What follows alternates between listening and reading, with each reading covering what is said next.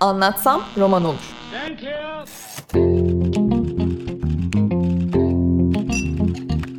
Bazı kültür sanat konuşmaları.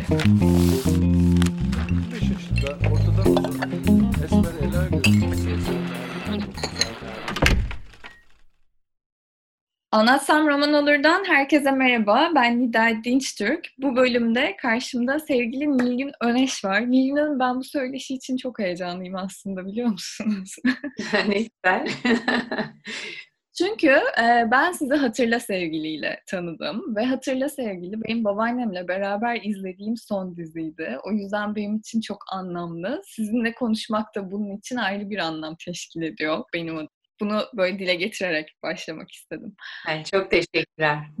Ama bugün bizim e, Nilgün Hanım'la bir araya geliş sebebimiz aslında Nilgün Hanım'ın ilk kitabı. Yani yazdığı onca senaryoya ek şimdi karşımıza çıkan Ağlamak Yok Doğan kitaptan çıktı. Bugün Ağlamak Yok üzerine konuşacağız ama ben sizi bulmuşken tabii ki aslında e, ürettiğiniz tüm eserlerle ilgili sizi sıkıştırmayı düşünüyorum. Rica ederim estağfurullah.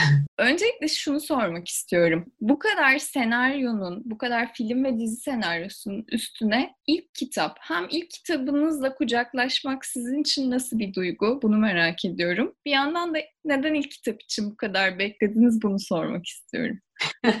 Evet bu birincisi vakit bulamadım diyebilirim. Gerçekten çok yoğun bir tempoda çalıştık uzun yıllar boyunca. İşte senaryolar çok uzundu. İşte biz 45 dakikalık sürelerle başladık. Sonra onlar 90 dakikalara çıktı. Sonra şu anda artık 180 dakikaları buldu falan. Hatta bir ara ben Senaryo Yazarları Derneği Başkanı iken yerli dizi yersiz uzun diye bir eylem yaptım. O zaman 90 dakikalara itiraz ediyorduk. Şu anda o kabul edilmediği gibi uçtu gitti. Yani bu çalışma temposu içinde her zaman elimde olan bir kitaptı ama bir türlü bitiremedim. Öyle diyebilirim. Yani hep e, elime alıp vakit bulamayıp bırakıp yani onun için iyi ve uzunca bir zaman dilimine ihtiyaç duyduğumu hissederek Hı hı. Hani bu gürültü patırtının içinde bununla e, yeterince ilgilenemeyeceğim. Biraz rahatladığım zaman bakayım gibi bir zaman dilimi diyelim. Hı hı. Bir yandan da aslında e, kitabı bitirirken kitabın öyküsünü de anlatmışsınız. Yani e, neredeyse 10 yıllık bir hikayeydi evet. bu diye anlatıyorsunuz. Biraz onun üstünden geçelim mi beraber? Tabii. E, ağlamak Yok'u yazmaya aslında adını belki de Ağlamak Yok koymadan e, yaklaşık 10 yıl önce başlamışsınız. Daha bile uzun sanırım. Çünkü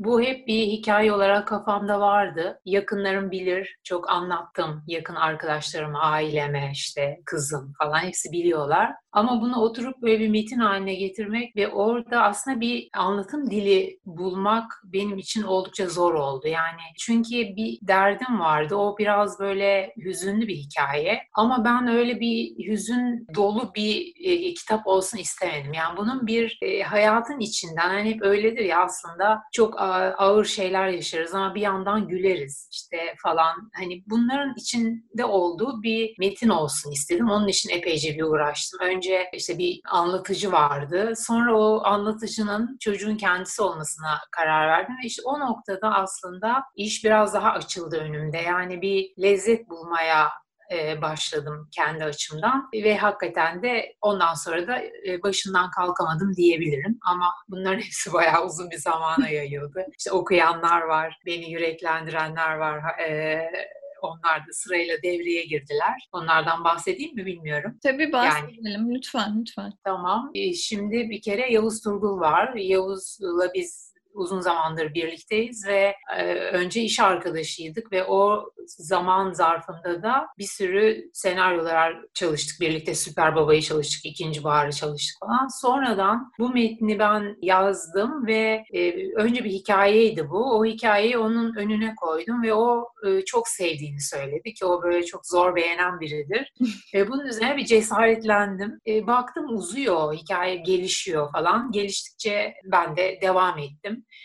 Kızım zaten habire dinlerdi benden bunu, okumuştu da zaten. E, o ikisinin çok büyük desteği oldu gerçekten. Beni böyle yüreklendirdiler, arkamdan ittirdiler öyle diyeyim. Sonra kız kardeşim devreye girdi. İşte arkadaşlarım girdi falan. İşte yazar arkadaşım Bediye Ceylan Güzelce çok çok büyük desteği var onun. Yani hepsi bir araya gelince bu süreci daha hafif e, atlattım diyebilirim. Çünkü hakikaten kitap yazmak oldukça zor bir iş. Şimdi senaryo yazarken o senaryoyu yazdığınız bitirdiğiniz andan itibaren okuyucular var ve o okuyucuların işte mesela yönetmen var. İşte e, sizin olası bir hatanız veya bir şeyiniz o onun süzgecinden de geçiyor. Yani bir e, katmanlar var orada. Burada tek başınasınız, yazıyorsunuz, teslim ediyorsunuz, olay bitiyor. O yüzden de ciddi bir sorumluluk var. Benim için e, oldukça e, zorlu ama zevkli bir süreçti diyebilirim. E, okuması da öyle bir süreç aslında. Not edeyim buraya kitabı henüz bitirmiş bir okur olarak. Peki şeyi soracağım. Aslında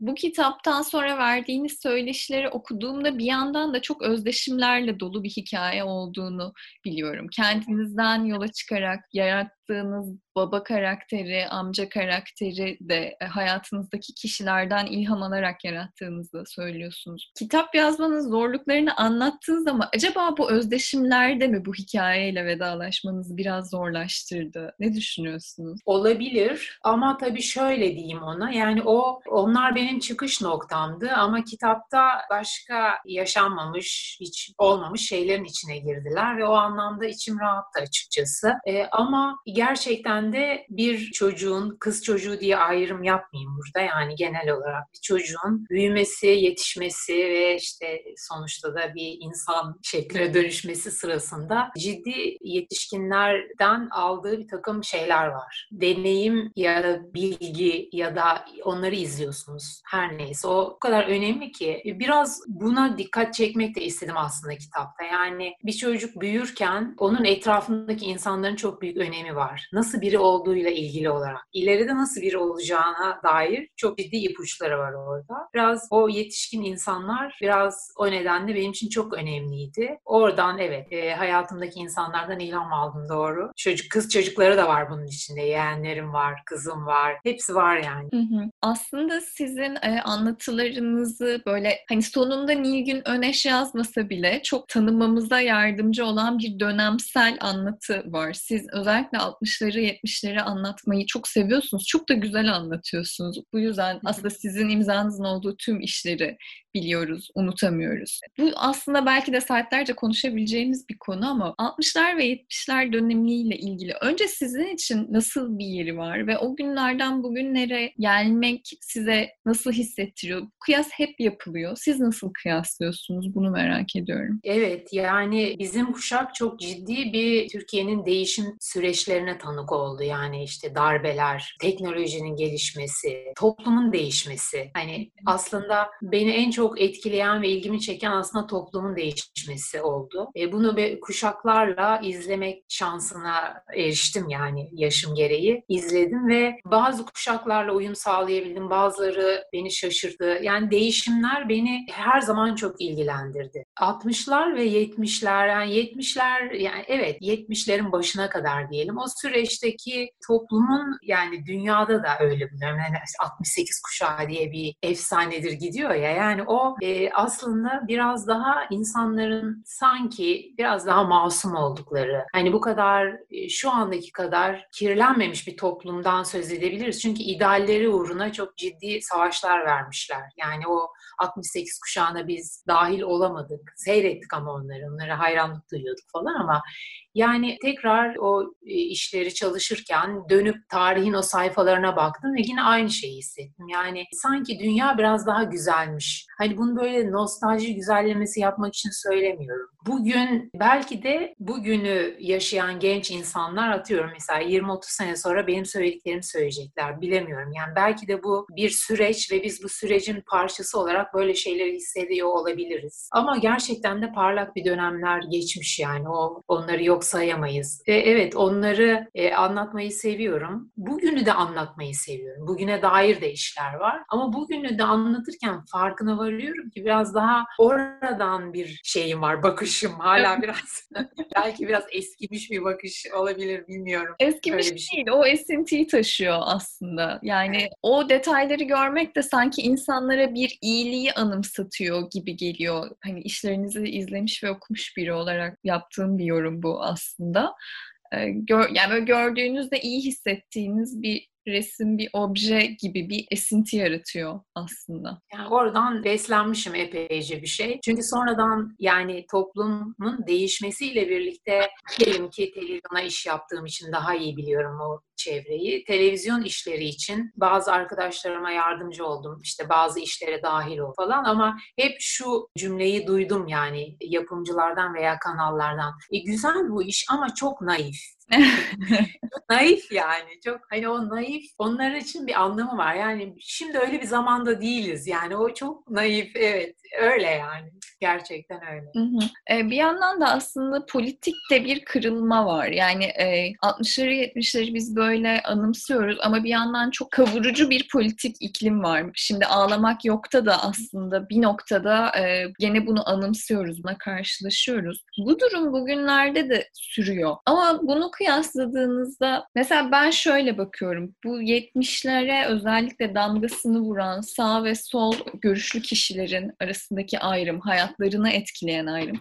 Sanki biraz daha soldan sağa baktığımızda insanları başkalarının yaşamlarına kastetmekle aslında e, itham ederek biz sağ, sağa yakın durmuyoruz. Yani böyle bir hava var. Ee, 70'lerden bugüne gelindiği zaman Nilgün Hanım bunun biraz daha artık kırıldığını mı, keskinleştiğini mi ya da bu tansiyonun hiç düşmeden seyrettiğini mi izliyorsunuz? E, bununla bağlantılı bir soru daha ekleyeceğim ama önce bunu konuşalım istiyorum. Hani bu ötekileştirme dediğimiz şey görüş ayrılığı, görüş farklılığı açısından her zaman bir karşıtı oldu yani. Birinin bir karşıtı oldu ve bu karşıt bugün de çok keskin. Ee, özellikle 70'lerde 12 Eylül öncesinde biz çok ben onu çok ciddi yaşadım. Çok çok büyük bir şey vardı. Yani oturduğumuz mahalleden bir üst sokakla bir alt sokağın arasındaki farktan orada oturanlarla burada oturan insanlar arasındaki siyasi görüş farklarından tutun da her şey inanılmaz keskindi. Şimdi de bence öyle. Şimdi de keskin ve bu e, aslında sanırım e, e, toplumları e, ileriye götürmeyi engelleyen de bir şey. Hani böyle bir bir yerlerde buluşulamıyor, bir yerlerde bir kopmaya hazır bir kitle halinde duruyoruz. Bir karşıtlık yani sol görüşlü insanlar için de hepsi için söylüyorum. Böyle bir kendi görüşümüzün arkasına sıkıca durmak tabii ki bazı şeyleri asla kabul edemeyiz. Yani onlardan bahsetmiyorum ama hani bazen de böyle çok yakın durduğumuz işte sol fraksiyonlar mesela işte çok yakın bir cümleyle ayrışan şeyler falan. Evet. Bunlardan bahsediyorum. Evet. Böyle bir keskinlik hala sürüyor. Hı hı. bir de yani aslında şimdi bağlantılayacağım bağlantılamak istediğim soru buydu aslında. Biraz biz insanların politik yaklaşımlarına, politik duruşlarına göre onların iyi bir insan ya da kötü bir insan olduğuna dair tayinlerde bulunuyoruz. Ee, evet. Ağlamak yok da Meral'in kayınpederine de böyle ufacık bir bakış attığımızda aslında o ufacık bir bakışta onun nasıl bir adam olduğunu çok rahat tasvir edebiliyoruz. Bu e, politik duruşla karakter analizi meselesini de konuşalım istiyorum biraz. Böyle bir yaklaşım var, böyle bir inanış var gerçekten. Siz nasıl görüyorsunuz ve bunu nasıl kullanıyorsunuz? Yani biraz böyle burada mesela tarafsızlık meselesinden bahsetmemiz belki gerekiyor değil mi? Tarafsızlık. Yani çünkü tarafsızlık çok çok çok zor bir şey yani bir e, bir insana tarafsız bakabilmek, bir olaya tarafsız bakabilmek. Yani hepimiz çünkü bir taraftayız e, büyürken işte etrafımızdaki arkadaşlarımız şu bu falan her e, açıdan bir tarafta duruyoruz ve o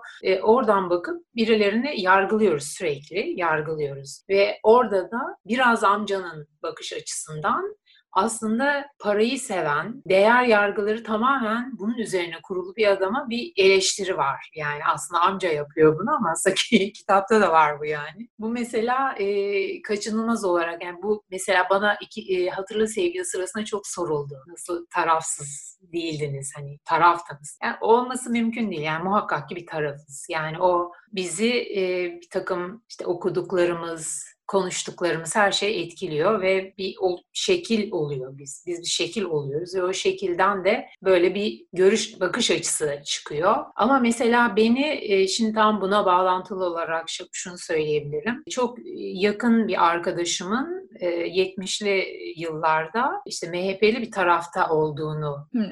öğrendiğim bir an var benim mesela. Ve hani dediniz ya o insan bize göre iyi veya kötü diye yaftalıyoruz yani. O çok iyi, çok sevdiğim bir arkadaşım net yani. Ama o o politik görüş içinde olduğu andan itibaren bizim ilişkimiz koptu. Yani böyle bir şey oldu. Babamı kaybetmiştik. Eve taziyeye mesela bizim üst o zaman karşı Göztepe'de oturuyorduk. Üst mahalleden gerçekten ülkücü bir tanıdığım yani cisim olarak tanıdığım bir çocuk annesiyle birlikte anneme taziyeye geldi. Ve ben hani çok fena hissettim kendimi. Ne olacak ya? Yani bu kadar keskin ayrımlar var. Yani burada artık hani politik görüşler, şeyleri e, bu tür insani temasları bile engellemeye başladı ki o zaman tabii çok kötü şeyler de oluyor. Karşılıklı öldürmeler falan filan. Hani bunlardan ay, e, bağımsız konuşamayız o meseleyi ama gerçekten böyle bir şey var yani. Hı hı. Tarafsız olamıyoruz. Evet. Tarafsız olmak zorunda mıdır zaten anlatıcı, eserin yaratıcısı? Yani hayır değil. Ama şunun zorundayım. Yani onu hem senaryo yazarken hem de bu kitabı yazarken öyle olmaya çalıştım. Hep o karakterin ya hangisiyse o karakterin tarafına geçip onun açısından dünyaya bakıp onun şeyiyle konuşmak, kimliğiyle konuşabilmek. O zaman zaten iş kıymetli olabiliyor. Yani onu becerebildiğiniz kadar oluyor. İşte hatırlı sevgili de bizim ülkücü bir karakterimiz vardı, Yaşar'ımız vardı. Hani onu onun tarafına geçmek bayağı benim için zor bir şeydi ama önemli bir şeydi. Yani tarafsız olmasak bile onun düşüncesini anlamaya çalışmak, oradan bakmaya çalışmak zorundayız sanki bu evet. şeyleri yani metinleri hazırlarken. Evet zaten metne e, o lezzeti katan muhtemelen yaratabildiğiniz bu empati. Peki ağlamak yoka dönelim istiyorum tamamen. Aslında buradaki karakterimiz Elif ve hikayemiz Elif'in annesiyle vedalaşamaması. Bu aslında biraz böyle şu an içinde bulunduğumuz durumla da ilgili bir soru olacak belki ama Elif annesiyle vedalaşamıyor. Biz de bugünlerde e, sevdikleriyle vedalaşamayan birçok kişinin aslında aslında o yerine getiremediği veda ritüeline tanıklık ediyoruz. Ya bu veda ritüelini e, konuşalım istiyorum aslında. Yani hem Elif'in hikayesi üzerinden hem bu dünyanın geçirdiği bu garip dönem, hepimizin şahitlik ettiği bu tuhaf yeah. dönem üzerinden. Ee, nasıl bir anlamı var sizce bu ritüellerin ve ölen birisiyle vedalaşabilmek nasıl mümkün? Bu şey e, sanırım e, yaşınıza, birikiminize bir sürü şeye bağlı bu. Yani kişiliğinize. Hani çünkü bazen bakıyorum bazı insanlar insanlar çok güzel kabullenebiliyorlar bu kayıpları ve onu hayatın bir e, getirisi götürüsü hatta neyse bir şekilde öyle kabul ediyorlar ve onu netamet içinde böyle yürütüyorlar işi. E, ama mesela benim e, karakterim biraz hazırlıksız yakalandı öyle diyelim. Mesela bazen şöyle şeyler olur. Bir uzun hastalık süreci olur. Aklınızdan geçer bu. Ben onu kaybedebilirim. Böyle bir şey olabilir. Veya işte sizi biri hazırlar. Bak böyle bir şey olabilir. Bir doktordur, bu yakınınızdır. Böyle bir şey olmadı. O hiç beklemediği bir anda bir kayıp, büyük bir kayıp yaşadı. Bu evet benim hayatımda da böyle oldu ve zaten o kitabın çıkış noktası o.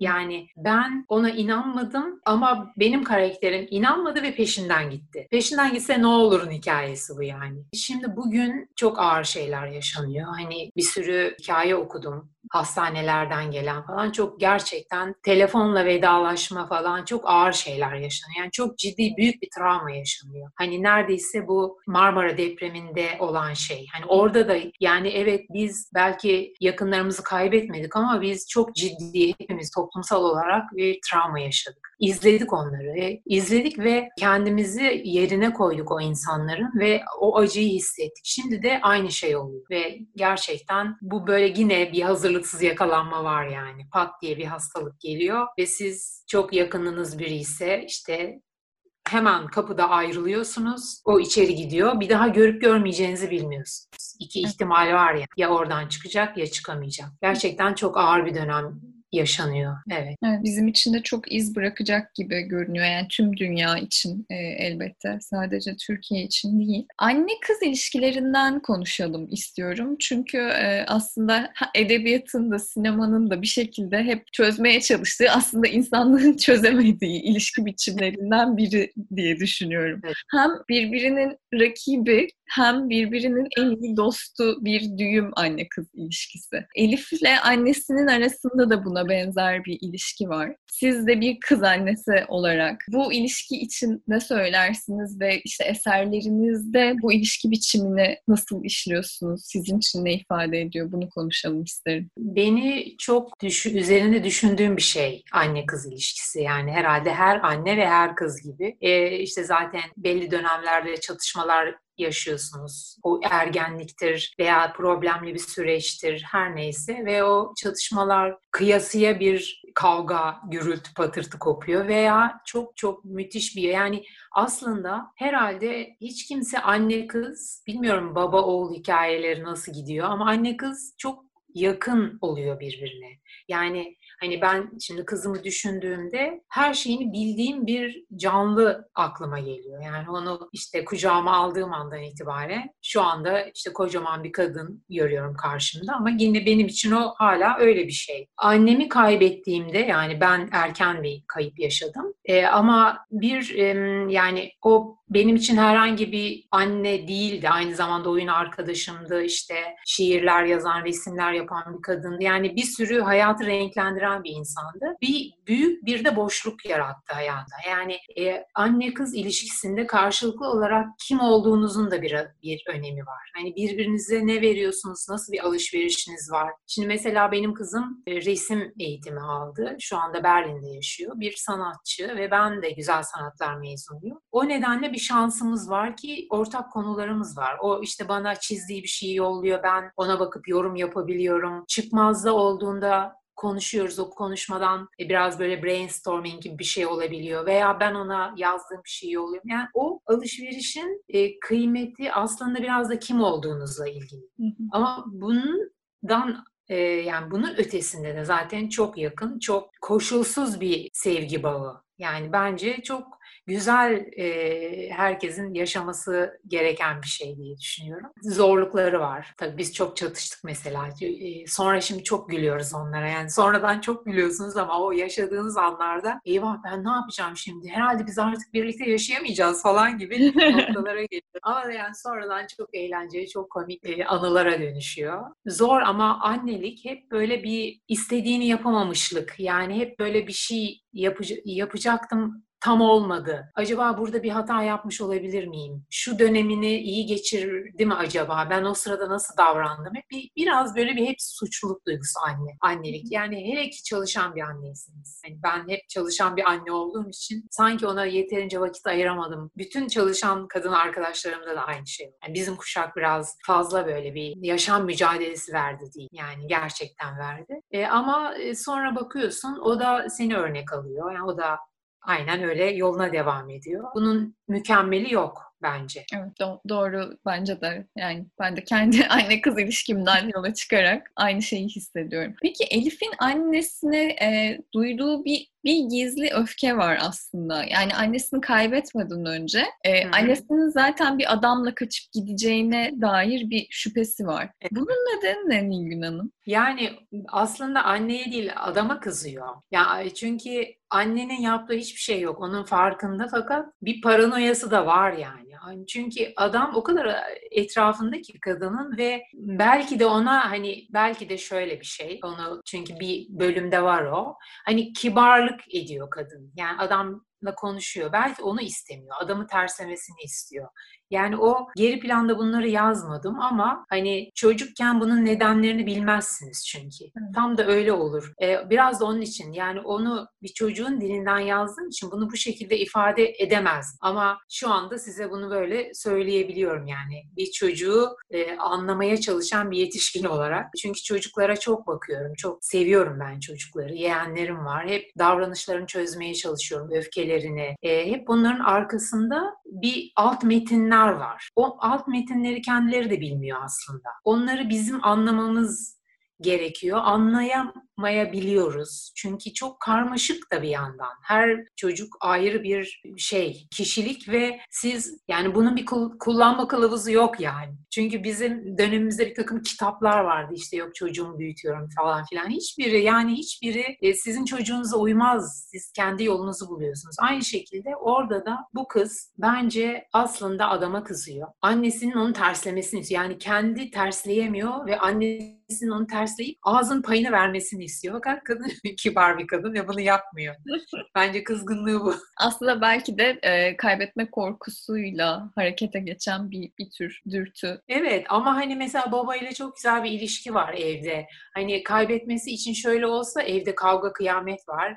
Anne orada güzel böyle bir hoş sohbet bir adam buldu ve falan öyle bir şey de yok. Ama çocukların biraz da böyle paranoyakça endişeleri olabiliyor. Yani çocukken hepimizde olmuştur o. Cidden evet. paranoyakça bir şey düşünüyorsunuz. Hiç öyle bir şey yok aslında ama siz düşünüyorsunuz.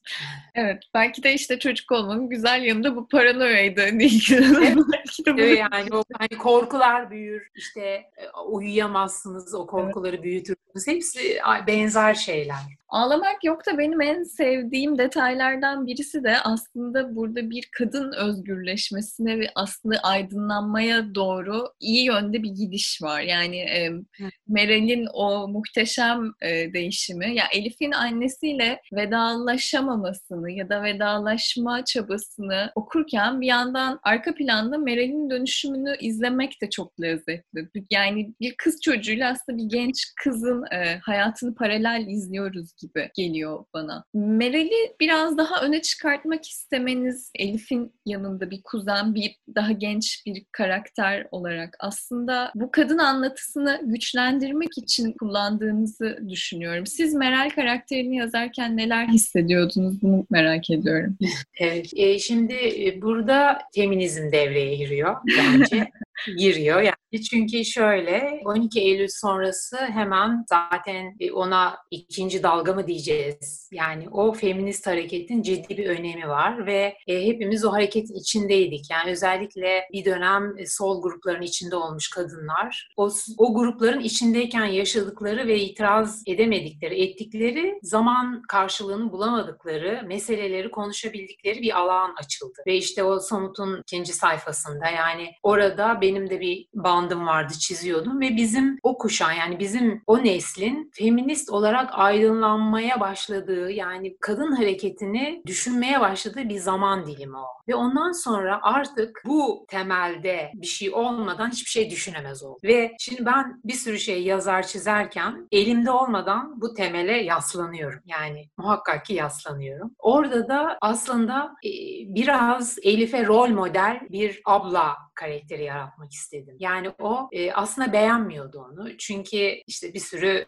gereksiz hevesleri olduğunu düşünüyordu. Biraz amcanın da şeylerini, düşüncelerini arka plana alarak. Ama onun değişimiyle Elif'in ona karşı olan duygularının da değişimi başladı. Yani orada aslında bence bir rol model o. Belki biraz annenin yerine koyabileceği, hani anne yok ve onun yerine koyabileceği bir kadın karakter olmaya başladı. Biraz onun için, biraz da böyle orada bırakmak istemedim aslında Meral'i. Yani o bulunduğu yeri sevmedim ve onu oradan kalkıp bir yere yürümesini muhakkak ki istedim yani. Orada bırakırsam aklım orada kalacaktı ve üzülecektim yani. Onun için onu da yürüttüm gitti diyelim. Hı hı. Ee, son olarak şeyi sormak istiyorum. Aslında e, roman için de çok kıymetli bir nokta. Sonra okuduğumda gördüm ki sizin kişisel yaşamınızda da önemli bir mekan. İnci Pastanesi aslında. Bununla beraber Beyoğlu'nun korkunç değişimi düşündüğümüz zaman sizin e, Ağlamak Yok'ta tasvir ettiğiniz Beyoğlu'ndan ve İnci Pastanesi'nin o zamanki konumundan bugün çok farklı bir silüetle karşı karşıyayız. Keza aslında anlattığınız o Bostancı hattı, adalar seyahati, adaların şimdiki halleri, e, İstanbul'un bu çok hızlı değişimi ve sizin gibi mekanları canlı tutmaya çalışan bir yazar için siz anlatırken ne hissediyorsunuz? Tekrar o tasviri canlandırmak size iyi geliyor mu? O tasvirlerle mi savaşıyorsunuz şimdiki haliyle? Yani bu bazı şehirlerde diyelim, kasabalarda hepsi geçerli. İkonik yerler var. Yani onların işte dışarıda herhangi bir ülkeye gittiğinizde işte atıyorum Paris'e, Madrid'e falan gittiğinizde görüyorsunuz. O mekanlar öylece duruyor. Bizde böyle bir şey yok maalesef. Yani burada hani bunun acısını hepimiz çok çekiyoruz. İşte emek sineması olayları falan hepsi bunun içine dahil edilebilir. İstiklal Caddesi ise yani Beyoğlu ise ben mesela kendi adıma onun birçok kere değişip dönüştüğünü izledim. Yani çok belli zaman aralıklarıyla bambaşka bir caddeye dönüştü. Sonra yine bambaşka bir yer oldu. E, son birkaç yıldır korkunç bir hale geldi ve seneye ne olacağını bilmiyoruz.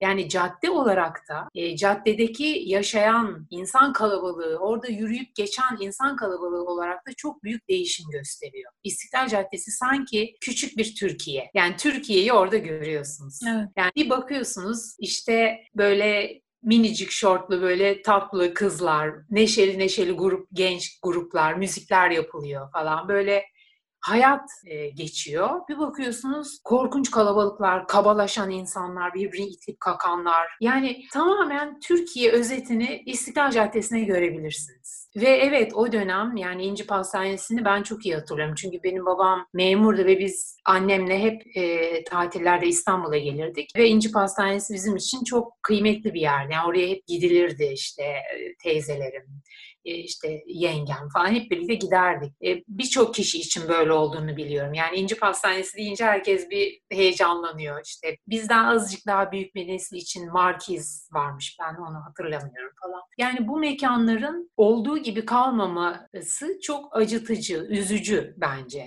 Yani hatıralarımızın, tarihimizin de yok olması gibi. Çünkü ben mesela Diyarbakır'da 3. sınıfı okudum. İlkokul 3'ü okudum. Sonra biz ikinci bahar çalışmaları için Diyarbakır'a gittik ve ben hemen e, e, bir ara fırsat buldum ve orada gittiğim ilkokulu, Mehmetçik İlkokulu'nu ve kaldığımız lojmanları buldum. Koşa koşa yani buldum onları. Yani onları bulunca müthiş bir sevinç içindeydim. Yani nereye gidecek ki onlar? Çünkü oralarda bu kadar büyük değişimler yok. Ama bunlar bizi bir şekilde hayata bağlıyor. Bir kökümüz var hissi veriyor. Orada duruyor. Ben gidersem yine göreceğim onu orada hissi veriyor ve bunlar tabii ki çok kıymetli şeyler. Ee, bundan sonra inşallah e, biraz kıymetini bilmeyi öğreniriz diyeyim. Başka bir şey diyemiyorum.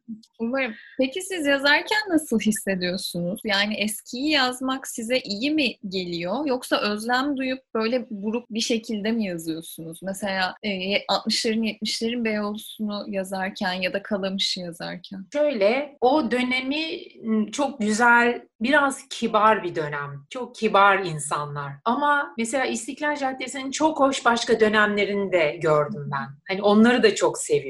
O dönemler yani şöyle diyeyim. Şu anda İstiklal Caddesi öyle bir hale dönüşür ki yine bizim içimize sevinç dolduran bir yer olabilir. Bütün bunları bize unutturur yani. Öyle e, bir hüzünlü bir bağım yok aslında e, geçmişle. E, şu andaki var olduğu haliyle kıyasladığımda e, bir hüzün maalesef oluyor. O da şu an için geçerli. Bilmiyorum iki sene sonra ne olacak. Peki. Gelecekten ümitliyiz. Bu güzel bir şey. İnşallah. Nilgün peki e, böyle gene kitaba dönüşmesi olası öyküler var mı elinizin altında? Ya da siz tekrar bir kitap yazmak ister misiniz? İkinci kitabı sorayım hemen. Birinci kitap çıkar çıkmaz.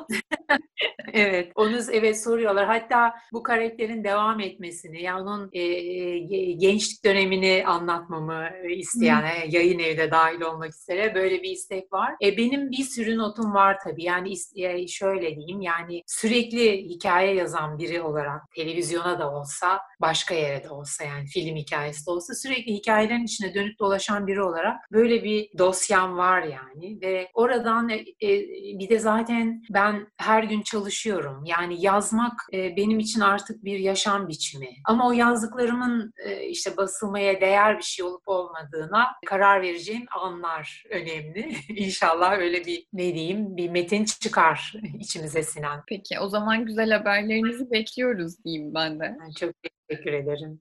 çok teşekkür ederim Nilgün Hanım. Çok güzel bir söyleşi oldu bu vesileyle de. Ben çok... Sizi hem görmüş hem duymuş oldum sesinizi. Evet ben de çok memnun oldum. Kolay gelsin size. Sağ olun. Teşekkür ederim.